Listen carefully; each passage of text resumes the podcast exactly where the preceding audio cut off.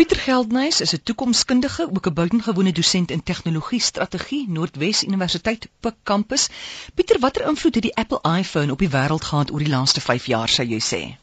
Maar dit het niks minder gedoen as om die wêreld te verander nie. 'n Hele paar baie bekende mense, Mark Andreessen wat die eerste internetblaaier uitgebring het, het gesê dis om om soos 'n superrekenaar in jou sak rond te dra. En dit is 'n superrekenaar. Mm. Die iPhone het meer verwerkingskrag as wat die Apollo missie in 1970 gehad het. Ja. En en die belangrike ding van die iPhone is dat dit eintlik 'n superrekenaar in jou sak is. Dit is nie 'n selfoon nie. Dis miskien dis 'n superrekenaar wat kan oproepe maak.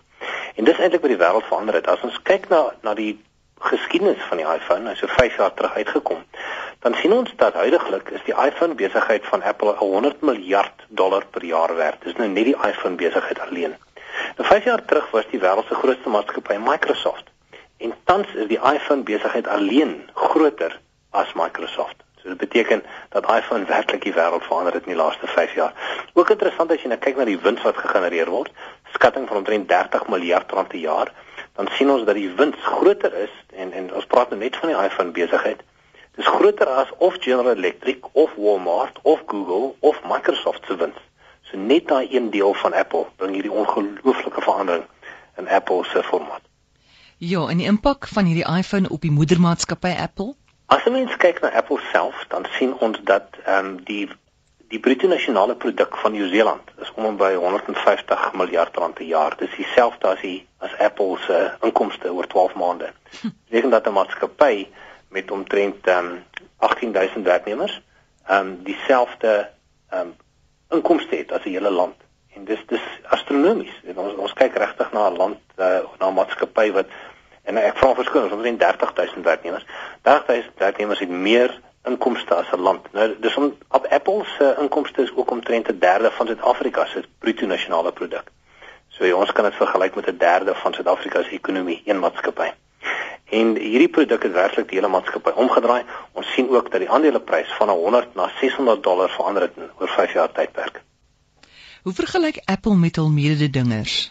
Apple, kom ons kyk na Apple, die geld wat hy in in die bank het. Nou net met die geld wat Apple in die bank het, omtrent 120 miljard dollar, met daai geld kan hy al hierdie maatskappye koop. Hy kan Nokia koop, hy kan BlackBerry koop, hy kan Twitter koop, hy kan Adobe koop, Netflix, wat die grootste verspreider van uh films in die wêreld is. T-Mobile is 'n baie groot cellulaire maatskappy. Hy kan dit ook koop. So hy kan al vyf maatskappye koop en nog klein geld hê. So dit is 'n 'n impak van van ongelooflike skaal. As ons na Apple self gaan kyk, dan sit hy met omtrent 363 winkels in 13 lande. Dis nou waar jy die Apple produkte kan koop. En ehm um, wat baie interessant is, is dat een winkel 'n gemiddelde verkope syfer van 500 miljoen rand per jaar het. So een enkele winkel gee 'n verkope van 500 miljoen rand per jaar.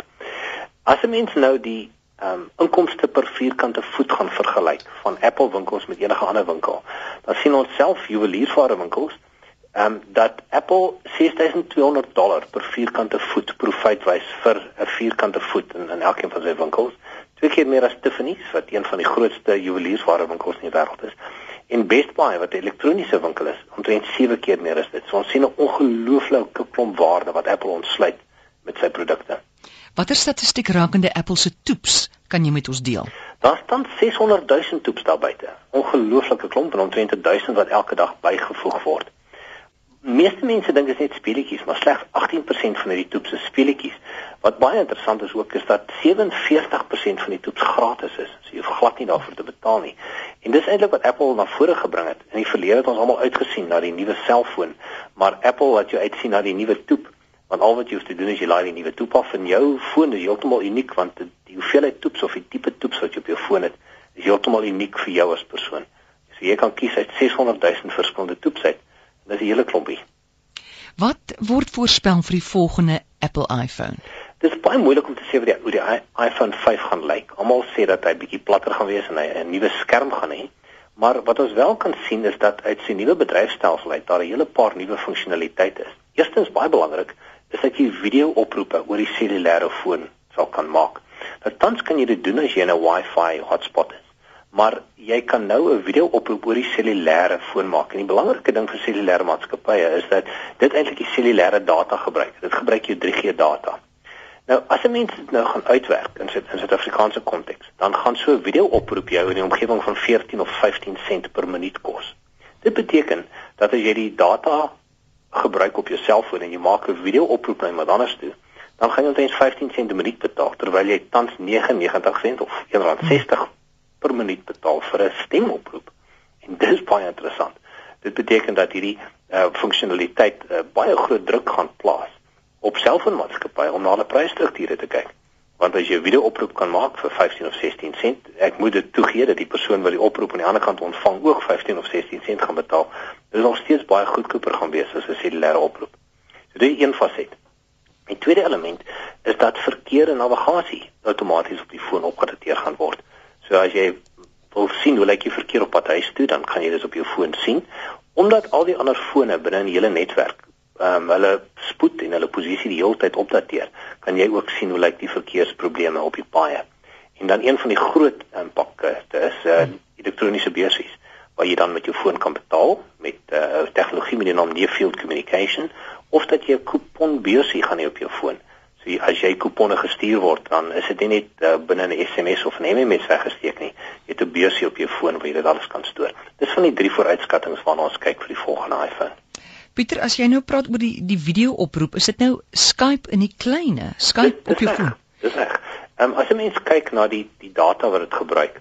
Nou gewone stemoproep gebruik omtrent so 14 kilobit per sekonde. Dis die spoed wat van wanneer jy praat en dis omtrent vergelykbaar met so 2 of 3 sent 'n data tarief per minuut. Ehm um, maar dit gaan 'n baie interessante impak op die cellulêre netwerke wêreldwyd hê en en die groot vraag is gaan die cellulêre netwerke kan finansiëel kan oorleef as hulle net op data inkomste moet oorleef.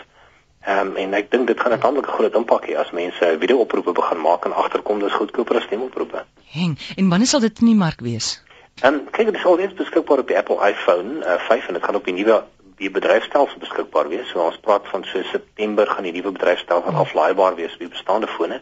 En almal verwag dat die nuwe Apple iPhone 5 so in September uh, Oktober se kant beskikbaar gaan word. Ek kan nie wag nie interessante tegnologie wat lê. Ja, veral jy weet dat dat jy 'n video oproep kan maak vir vir so min geld. Jy gaan jy gaan wel binne 'n 3G data omgewing moet wees en, en eh, dit gaan natuurlik bepaal word of jy dit kan doen. Onthou, wetgewing sê ook dat jy nie eintlik 'n stemoproep kan maak oor cellulêre fone met die data tariewe nie en dat in Suid-Afrika as die selfoonmaatskappye dit agterkom hulle hulle jou 'n hoër tarief kan vra. So dat dit gaan baie interessant raak ehm um, die hele debat oor netwerkneutraliteit uh, wat in Amerika en Amsterdam aanvaar is ehm um, in in die Nederlande. In Nederland aanvaar is het 'n impak dat selfmaatskappye dit nie mag doen nie. Maar uh, dit gaan 'n baie interessante gesprek oopmaak as dit hmm. uh, meer en meer gebruik word. Ja, ons sien uit daarna. Dankie Pieter. Alsvoor mooi. Dis Pieter Geldnys en ons het gesels oor die impak van die Apple iPhone die afgelope 5 jaar.